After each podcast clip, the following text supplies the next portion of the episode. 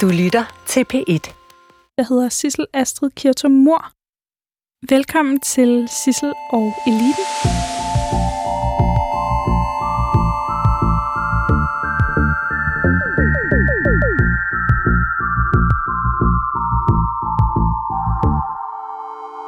Bertel Hårder, velkommen til Sissel og Eliten. Tak. Den her sæson, den handler om den politiske elite. Og du har lovet at guide mig igennem koderne på Christiansborg gennem de sidste 40 år. Jeg skal gøre, hvad jeg kan. Det er jo fantastisk.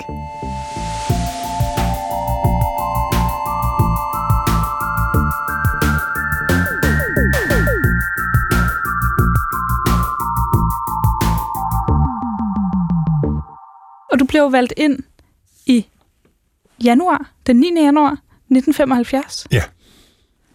Og hvordan er det? Det var jo et chok også for familien. Vi havde to små børn, og, og pludselig så jeg væk hele tiden. Og det var faktisk temmelig forfærdeligt. Samtidig med, at jeg jo ikke havde noget at tage mig til på Christiansborg. Altså, jeg sad ude på ridebanen, øh, hvor der lugtede af hest, og, og vi var to i hvert kontor. Og der var hverken særlig hyggeligt eller, eller rart. Og som nyvalgt, så havde man jo ingenting at tage sig til. Hvordan kan det være? Jamen, partiet var blevet stort.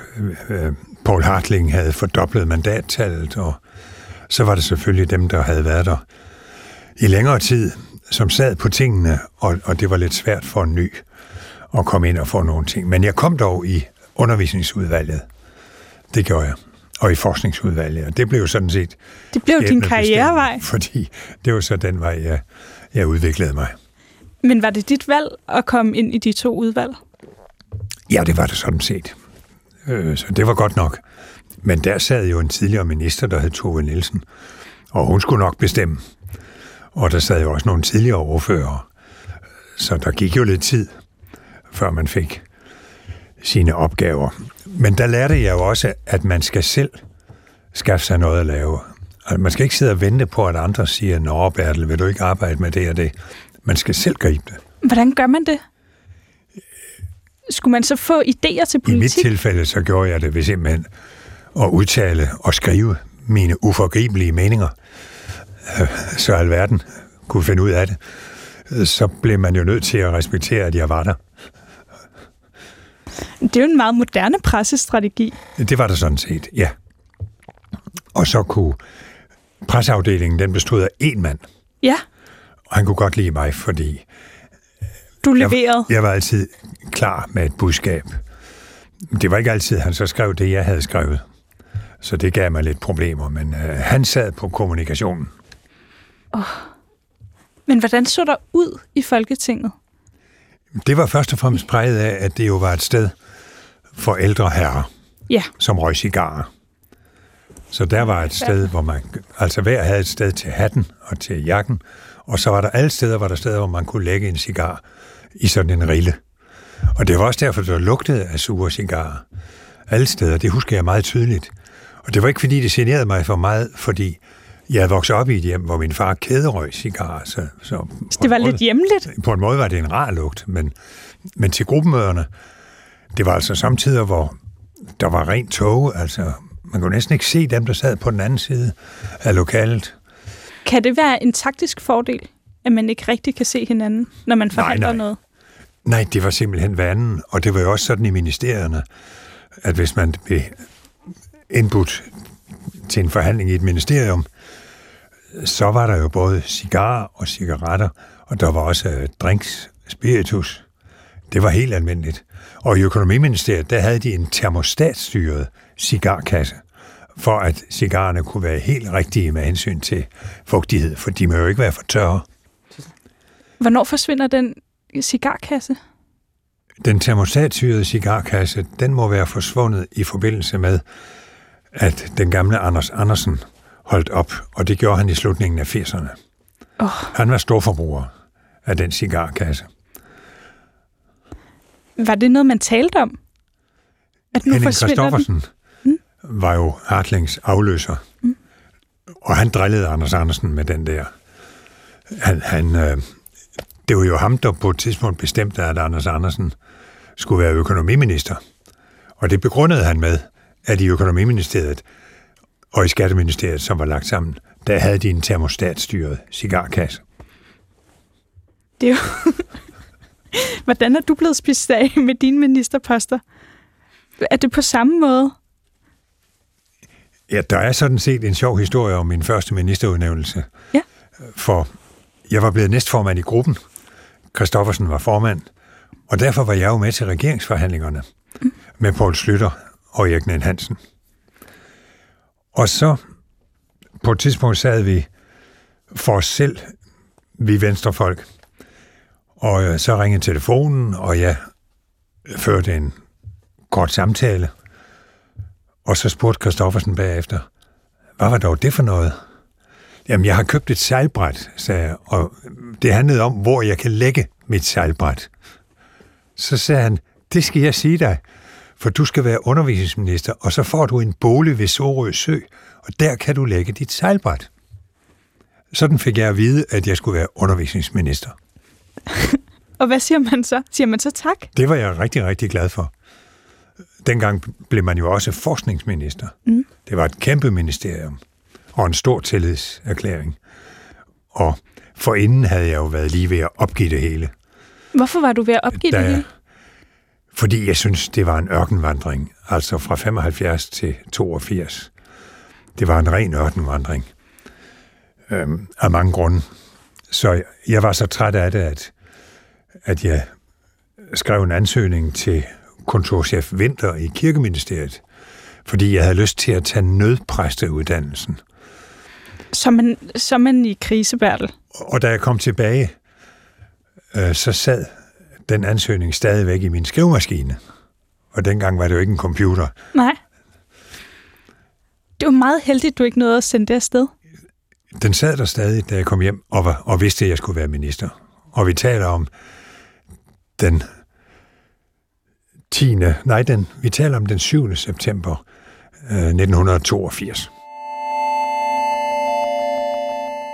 Hvordan har øh, koderne i ministerierne ændret sig fra første gang, du blev minister, til nu?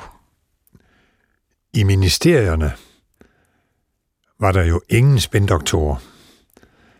Man var fuldstændig alene. Jeg overtog min forgængers ministersekretær. Og på et tidspunkt sagde hun til mig, øh, du skal altså ikke tro, at vi alle sammen er socialdemokrater. og det, det troede jeg sådan set heller ikke, og det havde hun ikke behøvet at sige, men, men det er helt klart, der havde jo været socialdemokratisk regime i rigtig, rigtig mange år, og derfor var der et stort forventningspres på mig, og derfor havde jeg i starten nok ikke helt så meget tillid til, at øh, de indstillinger, jeg fik, ville være efter mit hoved, og derfor håbede sagerne sig op i min vindueskarm, i, min, i, i ministerkontoret. Mm. Lige indtil departementchefen en dag kom ind og sagde, nu ser det efterhånden ud som i gamle Helvigs tid. Og gamle Helvig, det var Niels Helve Petersens far, som ikke var god til at træffe hurtige beslutninger, åbenbart. Så der håbede sagerne sig op. Og det ville jeg ikke have siddende på mig, og så fik jeg afgjort de sager, for jeg havde ellers kun skrevet under på afskedelser. Jeg var meget bekymret over at skrive under på ansættelser, men så fik jeg skrevet under på dem. Og lærte jo at holde op med at blande mig i ansættelser, for det skal man ikke. Hvorfor skal man ikke det? Nej, det skal man lade departementchefen gøre. Det er departementchefen, der har ansvaret for, at tingene fungerer, som de skal, og så skal departementchefen også kunne rekruttere de rigtige mennesker. Og sådan skal departementchefen også behandle sine afdelingschefer og kontorchefer det er den rigtige ansvarsfordeling, fordi så er det ledernes ansvar, hvis der er noget, der ikke er, som det skal være. Hvorimod hvis en overordnet, for eksempel ministeren, pludselig er blandet sig i ansættelserne, det er ikke godt. Men så skal man huske, at der var altså ingen presseafdeling, mm. der var ingen spændoktor. Man kom ind som minister mutters alene. Hvordan er det? Og se så, hvad der er nu. Med spændoktorer, presseafdeling og med taleskriver oveni. Og de, øh, sådan, de vigtige ministre, de har jo fire-fem personer, som de har udnævnt. Dengang havde de én. Og det galt også de tunge ministre.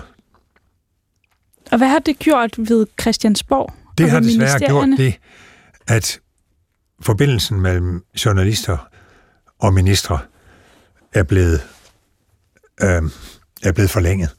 Altså, der er kommet et filter, fordi nu skal man jo henvende sig til spindoktoren, som så leder og fordeler det der arbejde med at få besvaret alle de spørgsmål, der kommer. Min kommunikationsvej, det var jo telefonen. Og den tog jeg selv. Og da jeg fik min mobiltelefon efterhånden efter et par år, så kunne jeg jo træffes når som helst. Og jeg kunne bedst lide at selv tage telefonen, fordi når, hvis det så var en journalist, så kunne jeg jo starte med at spørge, hvad har andre sagt om den sag? Altså det var et led i mit efterretningsvæsen. Og øhm, så derfor var jeg meget glad for, og, og sådan gør jeg stadig. Mm. Og jeg var jo øh, den minister i den sidste ministerperiode, som ikke havde nogen spindoktor. Men til gengæld har jeg haft, i korte perioder har jeg haft en fremragende en, der lige så godt kunne have været pressechef. Har du aldrig fortrudt, at journalisterne kunne ringe direkte til dig? Jo, der var vel... Jo, altså... Der var en, der hed Ola Borg på Jyllandsposten, der ringede hver søndag eftermiddag, så skulle jeg finde på et eller andet, han kunne skrive i avisen, og det var samtidig lidt, lidt anstrengende. Jeg følte mig jo næsten forpligtet til at foreslå ham et eller andet, og jeg vidste jo også godt, at hvis jeg, hvis jeg havde et eller andet budskab vedrørende skolen, eller hvad det nu var, så ville han placere det fint i avisen. Men det er da også smirende at blive ringet op hver søndag eftermiddag. Ja, nu var jeg jo altså landets undervisningsminister, og han dækkede undervisningsstoffet. Og derfor var han selvfølgelig glad for, at han når som helst kunne ringe til mig. Der var en på Weekendavisen, der hed Lisbeth Skov Larsen. Hun var fremragende. Øh, og øh, når der var et lovforslag i høring, så fik hun det selvfølgelig. Og så beskrev hun det i Weekendavisen. Mm. Og jeg behøvede slet ikke læse lovforslaget. Det var meget bedre at læse, hvad hun skrev om det fordi hun var så præcis og havde sans for, for det politiske. Så sådan kunne, kunne en politiker og en journalist jo altså, så at sige, leve, leve af hinanden. symbiotisk fordel til gavn for hinanden. Og den slags var der nok meget af på Christiansborg, og i visse situationer måske også for meget. Men det gode ved det var, at for eksempel sådan noget som privatliv, det stod der aldrig noget om i nogen af aviserne. Aldrig. Det var kun, hvis man selv øh, kom ud med det. Men ellers så var man rigtig meget i fred. Også som toppolitiker, som minister. Det har jo også ændret sig. Ja, hvordan oplever du den ændring? De der ministerjagter, de fandtes ikke dengang. Altså, jeg kan huske mm. Lars Barfod, der, hvor vi ligefrem måtte sende en klage fra Folketingets præsidium, fordi han var blevet jagtet i anledning af, at han, han øh, skiftede ægtefælde, eller hvad det nu var. Det var forfærdeligt. Hvordan håndterer man det på præs- i præsidiet? Hvordan, hvad er det for en samtale, I har, inden I sender Man kan godt klage? som journalist få en karantæne i Folketinget. Altså hvis man ikke opfører sig ordentligt, så, så kan man blive smidt ud midlertidigt. Er det præsidiet, der vælger det? Ja. Og hvad er det for en samtale, I har inden? Undskyld, jeg spørger Ingen. så dumt. Ingen. Der, der er ikke nogen lov og dom der. Det er bare ud af vagten, men, men som regel kun i en kortere periode. Og, og, og presselogen, som det hedder, de vil faktisk gerne have et godt forhold, både til præsidiet og til politikerne. Altså, jeg er ikke en præsident Nixon, som siger, at alt ondt skyldes pressen. For det er noget af det dummeste, man kan sige som politiker. Jamen også fordi du har jo aldrig rigtig været bange for pressen. Nej. Så havde du jo rigtigt. gemt dig bag en spindoktor og en pressestab. Ja. Jeg har altid været tilgængelig. Men øh, jeg beklager, altså jeg forstår faktisk ikke, at medierne finder sig i det, der kører nu. Hvor øh, man så at sige aldrig hører ministre kommentere, når der er et eller andet, som der kan spørges om. Så bliver der bare oplæst tre linjer, som hver kunne have sagt sig selv, og det forstår jeg faktisk ikke, at medierne finder sig i. Hvad synes Men du, de gør de. skal gøre? Jeg synes, de skal, de skal protestere både til Folketinget og til regeringen, fordi det går også ud over Folketinget. Altså, når man vågner op om morgenen, og så er der en eller anden sag, og så har ministeren ikke engang givet give en ordentlig forklaring. Det synes jeg også er en dårlig behandling af os politikere. Hvordan påvirker det jer politikere? Altså, hvordan påvirker det, Det jeres gør jo, arbejde? at så tror både vi og journalisterne jo det værste. Fordi når de ikke vil svare, så må der være uler i mosen. Hvorimod, øh, hvis man svarer, og hvis man er et ærligt menneske, så gør det heller ikke noget, at man kommer til at svare forkert. Så skal man bare ringe til den pågældende og sige, du, det var altså ikke rigtigt det, jeg sagde. Eller til en ordfører, som man er kommet til at behandle urimeligt. Så skal man med det samme ringe og sige, jeg undskylder, det der skulle jeg ikke have sagt, og jeg retter det ved førstkommende lejlighed. Man kan aldrig sige undskyld for meget. Hellere en undskyldning for meget end en for lidt. Det kunne Nen Hansen og Inger Støjberg lære af. Så havde vi sparet to rigsretssager, hvis de havde sagt undskyld. Bertel, ved du hvad, det vil jeg notere mig ned. Husk, mere undskyld. Hellere en undskyldning for meget end en for lidt.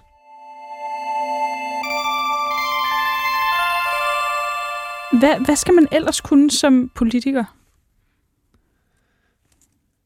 Man skal kunne forestille sig, at tingene kan være anderledes. Og det er på det punkt, jeg tror, jeg er en god politiker. Jeg har altid været god til at forestille mig, at tingene kunne være anderledes, end de er. Øh, Når man kommer ind i et ministerium, så er det typisk sådan, at der er man eksperter i, hvordan tingene er, og hvorfor de er sådan. Men det der med, at de kan være anderledes, det er ikke, det er ikke den stærke side. Og det førte så også til, at nogle af de udkast til svarbreve, jeg fik, øh, de kørte efter, efter melodien, at øh, øh, de har henvendt dem og spurgt om sådan og sådan, og det kan oplyses, at ifølge lovnummer det og det, og cirkulærnummer det og det, så er det sådan og sådan og sådan, og det bliver jo et ændret og sådan og sådan og sådan. Og så om på side 3, hvis man er heldig, så står der til allersidst, at øh, hvad angår deres ønske, så kan det desværre ikke imødekommes. Og der var der engang en, en borgmester, jeg tror det var Langelands borgmester, som til et møde på Langeland bad mig komme ind i et lokale, der var lige noget, han ville vise mig. Og det var, mødet var i en gymnastiksal, så vi måtte gå ind i omklædningsrummet, hvor der var dårligt lys. Så viste han mig det der brev, som jeg havde sendt til ham. Og der kunne jeg se, hvad der var galt med det brev. For det første var det svært at læse, det var knudret, og budskabet stod til allersidst. Så derfor har jeg altid sagt, når man kommunikerer, hvad enten det er breve eller artikler, vær venlig og skriv, hvad det, her handler om først. Fordi så kan man forstå det efterfølgende. Det er der altså også mange journalister, der kunne lære af. Det kan jo ikke nytte noget, man skal igennem utallige overflødige strå, for, før man når frem til, hvad det her handler om. Så er man jo nødt til at læse det en gang til. Hvordan tog de imod det, da du sagde det i ministeriet? Det tog de meget venligt imod, og øh, skiftende, skiftende ministerier har bedt mig at lave kurser for medarbejdere Er det rigtigt? i, hvordan man laver taler og artikler. Og det gjorde jeg med stor glæde. Også senest i, i, i Kulturministeriet. For det vidste jeg var god til. Jeg har jo det princip, at ingen artikel, jeg får forelagt, øh, eller rettere sagt, alle artikler, jeg får forelagt, kan skæres ned til det halve, uden at der forsvinder noget som helst. Det mener jeg virkelig. Og det gælder altså også artikler i aviser. Nogle af de der meget seriøse aviser, Information og Weekendavisen. Jeg begriber ikke, at deres artikler skal være så lange. Og jeg påstår, at jeg kan skære dem ned til det halve, uden at der går noget tabt. Kunsten er at skrive kort. Kunsten er ikke at skrive langt. Bertel, er det det, du skal? Nu hvor du ikke genopstiller? Det kan da godt være, hvis der er nogen, der tør. Og det håber jeg altså virkelig. Hvornår fjerner man røgen fra øh, Christiansborg? Altså, det var jo en mandsdomineret verden, der lugtede af sure cigarer og mariller til cigarer. Ja. Alle steder, hvor de kunne ligge og ose færdigt. Mm. Og øh, selvfølgelig askebæger. Naturligvis, I var jo ikke barbarer. Og, og det fortsatte langt op i 80'erne. Altså ved, øh, ved ministermøderne i Slytters tid, der gik Erik Nand Hansen rundt og skænkede gammeldansk kl. 10 om morgenen. Og øh, det fortsatte, tror jeg næsten til. Øh, måske ændrede det sig lidt i 88, fordi der tror jeg, den radikale Åse Olesen, som var socialminister, der tror jeg, hun reagerede lidt imod det. Hvordan med, gjorde hun det? med massiv støtte fra mange af os andre. Så må ikke hun medvirkede til det. Hun, hun var jo den, en herlig type, som også var god til at blande sig i, i mændenes debatter. Der var en gang, hvor forsvarsminister Knud Engård forelagde en plan, hvor efter forsvaret skulle have nogle nye raketter. Ja. Og så råber Åse Olesen over bordet, du får ikke nye raketter, før vi har brugt de gamle. Grinede man så? Det synes jeg var en god radikal Det var en udtalelse. fantastisk radikal udtalelse. Ja. Men det er som om, der ikke er den samme humor i dansk politik længere. Ja, eller også at, at de gode historier tit bliver bedre med tiden, ikke? Og, øh, og alting var jo bedre i gamle dage og så videre. Nej, altså jeg synes, vi har et farverigt folketing, som i øvrigt ligner lidt det folketing, som jeg kom ind i. Fordi man taler så meget om partisplittelse. Mm. Nej, hvor er der mange partier. Men da jeg kom ind, der havde vi kommunister og retsforbund og kristelige folkeparti og centrumdemokrater og, og ude på venstrefløjen, der havde vi jo alle mulige partier, som aldrig kom ind, men vi havde altså også nogen, der kom ind. Fælles kurs, for eksempel med sømandsbossen, der råbte så højt, at han slet ikke behøvede det elektroniske højtaleranlæg. Altså, det var farverigt. Øh, og det er det på en måde også i dag. Men I har haft en periode, hvor du lidt har savnet de, de farverige partier. Ja. Eller hvad? Altså, perioden symboliseret ved Slytters i øvrigt rigtige udtalelse om, at ideologi er noget bras. Det slap han jo afsted med, og det blev han nærmest populær på, fordi der var en periode, hvor det galt om at redde Danmarks økonomi, og ikke snakke alt for meget om ideologi. Altså, nu skulle vi have pengene til at passe. Vi blev alle sammen nødt til at spare, og så gik det gradvist fremad. Og det skal nok gå alt sammen, sagde Slytter. Og sad jo i 10 år, selvom han skulle have ti, seks partier til at enes en stor del af tiden.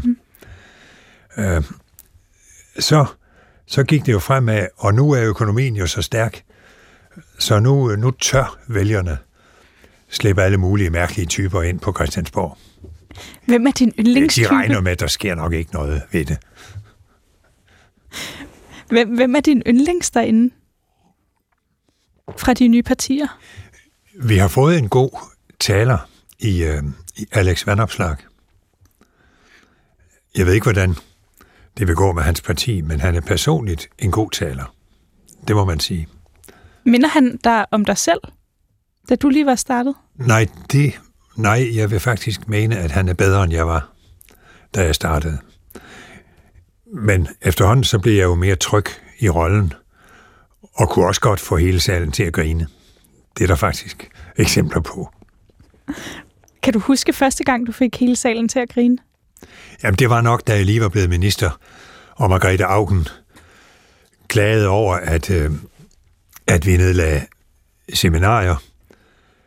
Og dengang gik ministerne jo op og svarede ved de store afslutningsdebatter. Og så gik jeg op og sagde, at det var jeg sandelig også ked af. Men det var jo fordi, vi fik for, at vi fik for få børn. Og det synes jeg også, vi skulle gøre noget ved. Hver på vores sted. Og, og da de så først begyndte at grine, så tog det ene ord det andet. Og hvad de ikke vidste var, at, at min kone var i femte måned. Ej, Ja, så jeg havde gjort, hvad jeg skulle. det var meget godt klaret.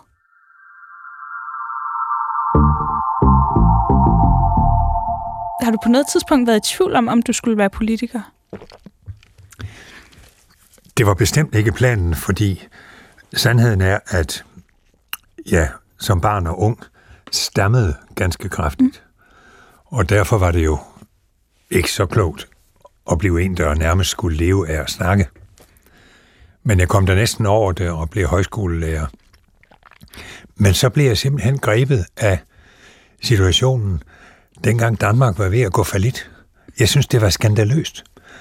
Der kom nogle rapporter i 1972 og 73, de såkaldte perspektivplaner, som beskrev, hvor galt det ville gå, hvis ikke vi tog os sammen.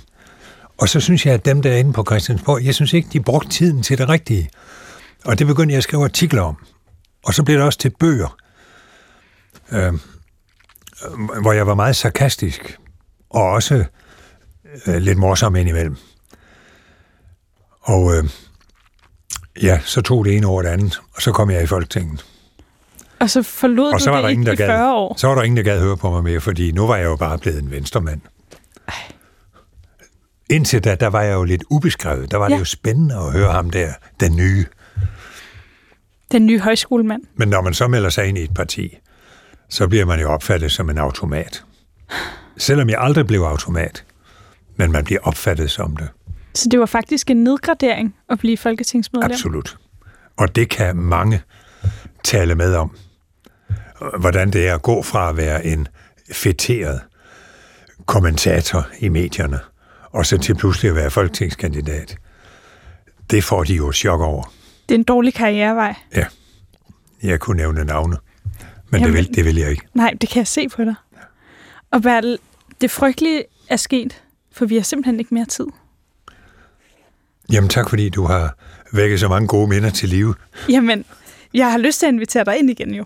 Det skal du bare gøre. Dejligt. Jamen, så har vi jo en aftale, Bertel. Ja. Tak fordi du ville være med. Selv tak.